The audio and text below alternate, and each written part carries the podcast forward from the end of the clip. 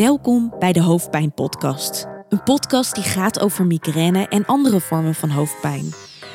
In Nederland hebben zo'n 2 miljoen mensen last van migraine.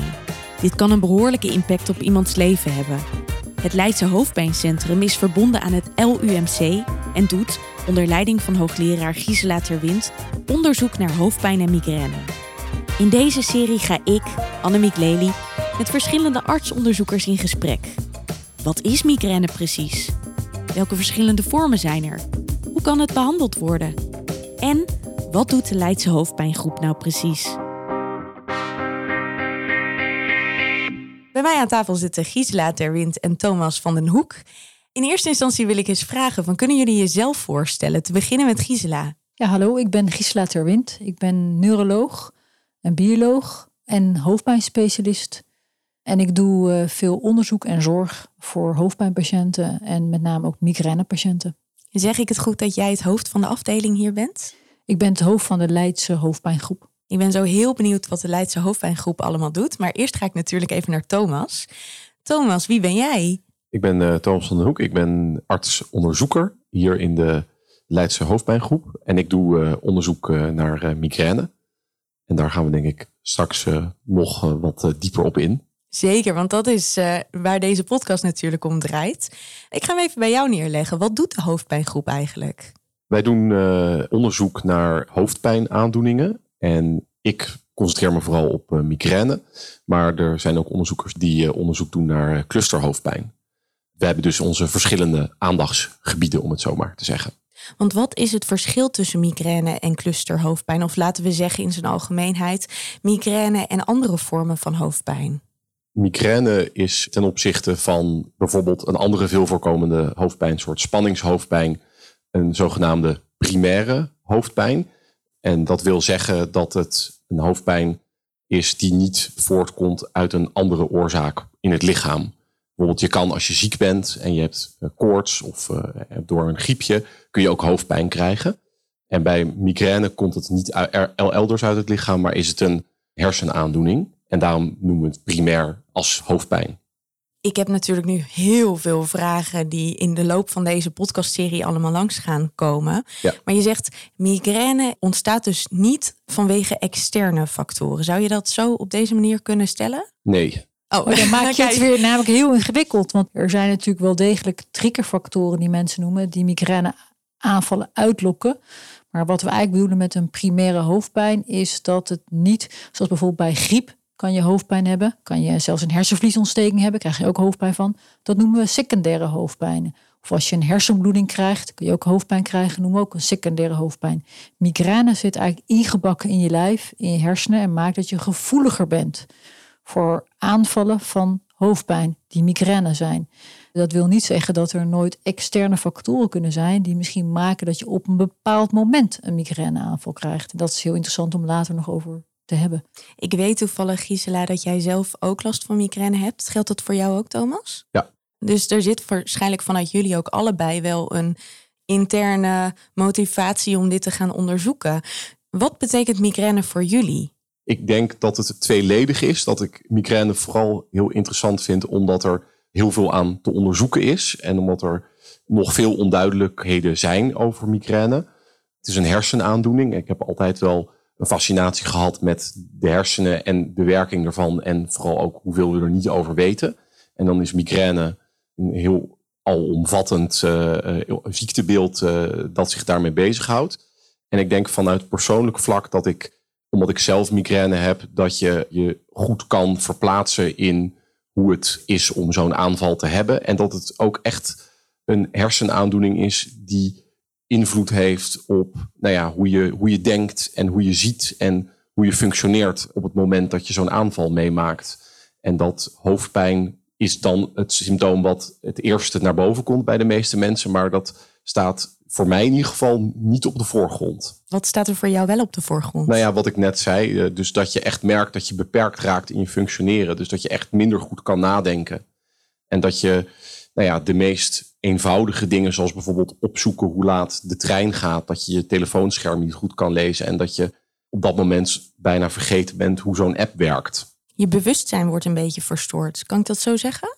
Nee, dat denk ik niet. Het is niet het bewustzijn. Het is meer de verwerking van de input die je krijgt van buiten, die verstoord is of eigenlijk veel langzamer gaat dan je gewend bent. Het is misschien wel goed om te zeggen dat er twee vormen van migraine zijn. Waarbij Thomas meer last heeft van migraine met aura. Ja. En bij aura-verschijnselen dan hebben mensen vaak problemen met zien. Ze zien sterretjes, flikkeringen, delen van het gezichtsveld die wegvallen. Dat breidt zich vaak in minuten uit. Merendeel van de mensen heeft dat. Soms komen er ook tintelingen of een doof gevoel bij, wat zich ook uitbreidt. En bij een klein percentage kan je zelfs afatisch worden. En af- afasie wil zeggen dat je niet op woorden kan komen of woorden niet kan begrijpen. Of, en dat beïnvloedt natuurlijk enorm je denkpatroon. Ik heb dat wel eens gehad. Ja, ik, ook, maar in mindere Ja. mate als dat Thomas eh, heeft. En doordat Thomas migraine met aura heeft, daarom heeft hij enorm veel problemen met de verwerking van prikkels, zoals hij dan noemt. Ja. En dat is wat anders als wanneer je bij migraine met aura kan je ook hoofdpijn hebben. hè, Maar mensen zonder, zonder aura, daar staat vaak de hoofdpijn voorop. En dat je door de hoofdpijn je ziek voelt en pijnlijk en dat je ook niet kan denken, is natuurlijk ook zo. Maar die, die fase met die aura, die is weer een heel ander fenomeen. En dan heb je echt een heel raar, rare manier van denken kan je dan soms krijgen. Of het dus niet goed kunnen verwerken van prikkels. Die anders is dan wat je in de hoofdpijnfase hebt. Hier gaan we het de volgende aflevering uitgebreid Ja. over hebben. Ik ga nog eventjes naar jou, want dat was ook precies wat er in mijn hoofd zat. Kun jij uitleggen, Gisela, vanuit eigen ervaring wat het grote verschil nou is tussen de hoofdpijn die wij allemaal kennen en migraine? Vanuit ervaringsdeskundig perspectief. Ja, het is heel lastig, denk ik. Want ik, eh, eh, ik zeg altijd, ik ben in de vrolijke ontkenning van mijn migraineaanvallen. Omdat ik vind mijn aanvallen heel mild ten opzichte van wat ik van andere mensen hoor en zie. van Thomas. van Ja. Thomas of van patiënten die bij mij komen. En daarom heb ik het vroeger ook helemaal niet herkend. En dat gebeurt denk ik heel vaak. Dus vroeger heb ik achteraf gezien denk ik ook migraineaanvallen gehad. Maar dan zeiden wij thuis tegen elkaar, ja, het was ook zo druk. Of het was ook zo, je was ook zo gestrest. Of ga maar even in bed liggen. Wij hadden ook nooit wat in huis. Dus we hadden helemaal geen medicatie ervoor. En dan was de volgende dag weer over. En dan dachten we ook, oh ja, dat kwam ook, je had het veel te druk of je had stress. Dus het is soms best wel moeilijk om als leek het onderscheid te maken tussen gewone hoofdpijn en een migraineaanval. En daar hebben we gewoon met z'n allen bepaalde criteria voor bedacht om dat te onderscheiden. En, je, en ik vind het heel belangrijk dat mensen die wel eens hoofdpijn hebben, goed weet hebben van die criteria. Want dan kunnen ze voor zichzelf kijken, oh ja, is dit nou gewoon hoofdpijn, spanningshoofdpijn of andere gewone hoofdpijn? Of is het echt migraine? En bij migraine heb je echt te maken met aanvallen van hoofdpijn die heel ernstig zijn, die vaak eenzijdig zijn, soms bonkend, toenemend bij inspanning. Je kan vaak niet doorgaan met je werkzaamheden, je moet toch naar bed of je moet echt, echt gaan liggen. En dan gaat het gepaard met overgevoeligheid voor licht en geluid. Dus je wil de gordijnen dicht en je wil niks om je heen. En als je dat niet hebt, dan is er sprake van misselijkheid tot soms sprake aan toe. Dus het is best wel een heel omschreven fenomeen van wanneer je het migraine noemt. Maar dat is best wel soms lastig om te herkennen voor mensen. Daarom zijn we ook deze podcast begonnen, juist ook om te zorgen dat herkenning van aanvallen, dat dat beter gebeurt bij mensen. Omdat ik een voorbeeld ben van iemand die het in het vroeger niet wist. Wat is voor jou het moment geweest waarop je dacht, ik heb toch last van migraine? Dat was toen ik in het ziekenhuis werkte en ik een migraine met aura-aanval kreeg. En toen werd ik Dus net je kan als ze wat dat betreft ook nog door elkaar krijgen. Ja, dus ik heb ook een paar keer een aura gehad, zoals Thomas heeft. En toen ik die aura kreeg, dat was best wel heel heftig. Toen kon ik ook eigenlijk helemaal niet meer op mijn telefoonnummer komen. En toen raakte ook iedereen om me heen in de stress. En toen ben ik ook meteen onder de CT-scan geduwd, wat natuurlijk nergens op sloeg, want er was niks op te zien. Kreeg ik ook enorme koppijn daarna. Toen dacht ik, oh, deze hoofdpijn heb ik wel eens vaker. En toen ben ik pas gaan denken, oh, misschien zijn die hoofdpijnaanvallen die ik heb, ja, misschien is dat dan toch wel migraine. En toen werkte je dus al hier in het LUMC? Nee, ik werkte niet in het LUMC. Ik was co-assistent. Dus ik was eh, nog in opleiding tot arts.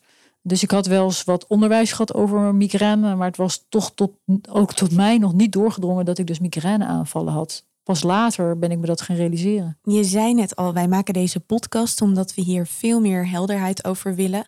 Jij zegt net zelf, eh, Gisela, van ik heb het eigenlijk een hele tijd niet herkend als migraine. Wat hopen jullie met deze podcast te bereiken? Voor wie maken jullie dit? Ik denk zowel voor migrainepatiënten als hun naasten, maar ook voor mensen die geïnteresseerd zijn eh, in het eh, onderwerp. En stiekem hoop ik eigenlijk ook dat het terechtkomt bij mensen die er misschien minder vaak over nadenken en zich op deze manier realiseren dat migraine veel voorkomend is. En dat één op de vijf vrouwen in Nederland migraine heeft. En dat het ook veel impact kan hebben. En dat het meer dan een hoofdpijn is. Dat het een complexe hersenaandoening is. En natuurlijk dat wij daar uh, heel belangrijk onderzoek naar doen. Op die manier hoop ik ook dat mensen ons onderzoek uh, zullen gaan vinden. En dat we op die manier misschien ook dan wat meer aandacht krijgen voor het hele mooie onderzoek dat wij hier doen. We hebben het nu natuurlijk gehad over wat is migraine. We gaan het hebben over verschillende vormen van migraine. We gaan het hebben over het onderzoek wat jullie doen. Welke onderzoeken staan er allemaal uit? Hoe kan het behandeld worden? En natuurlijk ook, wat zou je nou zelf kunnen doen? We hadden het net al even over externe factoren. En daar gaan we allemaal veel dieper op in in de komende afleveringen. Laatste vraag waar ik heel benieuwd naar ben en waarvan ik denk dat het ook belangrijk is om die even aan te tikken, om het zo maar te zeggen. Is migraine een taboe? Ik vind dat een ingewikkelde vraag, maar ik zou zeggen van ja, omdat mensen hebben er wel aandacht voor als je zegt dat je migraine hebt. Of dat hoor ik dan ook van patiënten of andere mensen die je kent met migraine.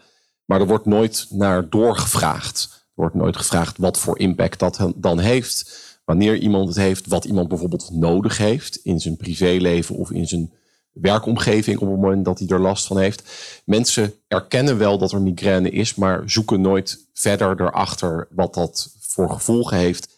En ook gaan niet verder dan de vraag van, oh, heb je dan last van hoofdpijn? En ik denk dat dat misschien uh, wel goed is om dat wat verder, misschien uh, om wat meer vragen over te stellen of wat meer het gesprek over te hebben. Zodat meer mensen er kennis over krijgen. Maar ook dat migraine-patiënten zich misschien uh, ook beter begrepen voelen door hun omgeving. Ik vind vaak dat in de media, als je kijkt naar series en in films, dan wordt migraine altijd heel ja, bagatelliserend afgebeeld. En dat vind ik heel irritant. En, en een beetje melodramatisch. Melodramatisch. dat, ik, dat ik dan denk van ja, dit is, dit, is, dit, is, dit is niet hoe ik het herken. Nee. En ook niet hoe, de, hoe ik de patiënten met migraine herken. Heb je daar een voorbeeld van of waar zit het hem in? Nou, ik, ik, ik kan me bijvoorbeeld herinneren dat er was, er is een nieuwe serie op Netflix, dat heet New Amsterdam. Daar komen allerlei hele hippe neurologische aandoeningen uh, langs zetten. Ja. En dan is er, op een gegeven moment komt er dan een, een, een, een, meisje met haar moeder en dat meisje heeft migraine. En dan zegt die neuroloog, oh ja, de triptanen werken niet. Ja, dan kan ik verder niks voor je doen. Nou, dat is, dat is één ding al. Dat door de bocht. Ja, dus dat meisje wordt gewoon weggestuurd terwijl die nog niks geprobeerd heeft. Dus een dat, slechte dokter eigenlijk. Ja, dat gebeurt in de praktijk dus heel veel. Dat migraine mensen worden weggestuurd met van, nou ja, ik kan niks meer voor je doen. En soms kan je ook niks meer doen. Hè? Laat dat duidelijk zijn. Ik maak het ook regelmatig mee, maar dan hebben we wel alles geprobeerd. Of dan zeg ik, we moeten een ander soort steunnetwerk voor je zoeken. Maar ten eerste werd ze weggestuurd, terwijl eigenlijk ik denk, je hebt niet goed naar de gekeken. En ten tweede zei hij dus, hier heb je een briefje voor de psychiater, want het is dus stress.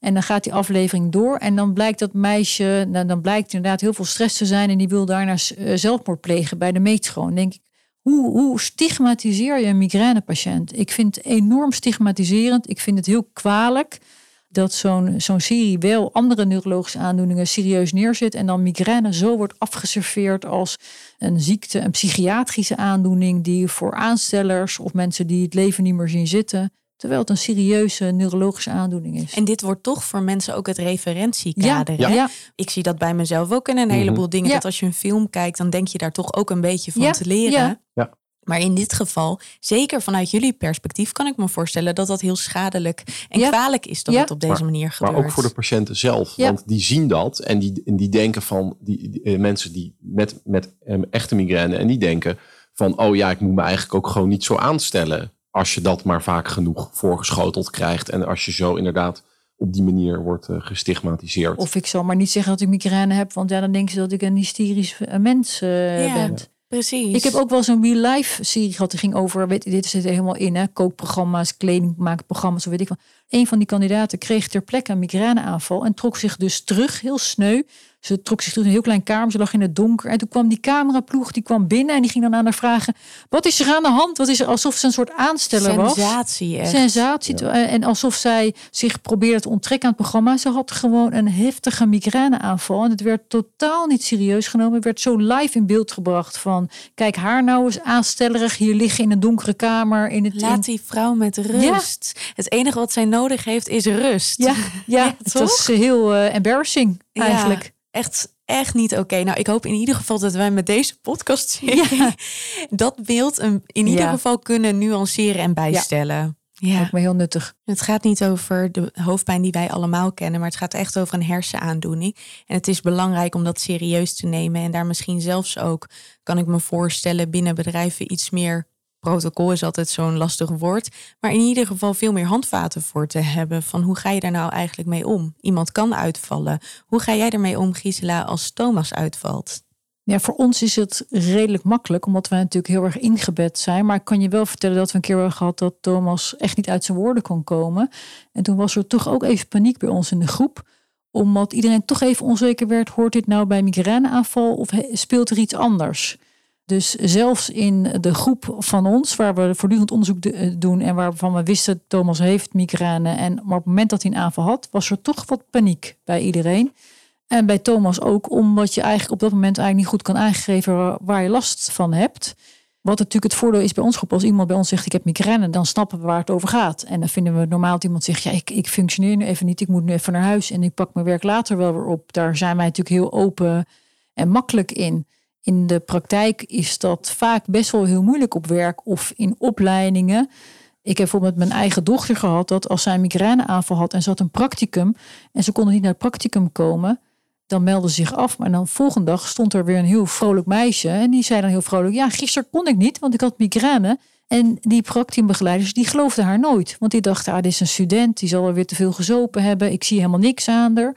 Dus er was waanzinnig veel onbegrip, omdat je aan de buitenkant niet aan haar ziet. En ja, ze staat de volgende dag niet nog steeds te huilen, omdat ze een migraineaanval heeft. Dan is het over. Dat is ook heel goed. Dat geeft iets aan van de weerbaarheid hè, die migrainepatiënten hebben. Ik vind, als je praat met migrainepatiënten, dan merk je een aantal dingen. Ze zijn enorm weerbaar. Ze zijn enorme goede planners. Want ze weten, ik kan uitgevallen zijn. Dus ze werken heel vaak voor. Ze werken vaak na. Het zijn hele harde werkers. Omdat ze gewoon rekening houden met dat ze uit kunnen vallen. Ze moeten bewust omgaan met dingen waar andere Ja. mensen een stuk Ja. minder bewust mee omgaan, omdat dit ze niet overkomt. Ja, precies. Goed dat je dat zegt. Ik vind het een eer dat ik met jullie de komende tijd een reis door mag maken en zelf meer mag gaan leren. Ook natuurlijk over mijn migraine. Ook ik heb er last van. Ik eh, kijk uit naar de volgende aflevering waarin we het gaan hebben over de verschillende vormen. Wat zijn aura-verschijnselen nou eigenlijk? Waarom treden die bij de een wel op, bij de ander niet op? Tot dan. Tot dan. Ja, dankjewel. Deze podcast werd gemaakt in opdracht van het Leidse Hoofdpijncentrum, verbonden aan het LUMC. De presentatie en inhoudelijke montage is in handen van Annemiek Lely. De eindmontage en mixage werd door pop-up podcast.studio gedaan.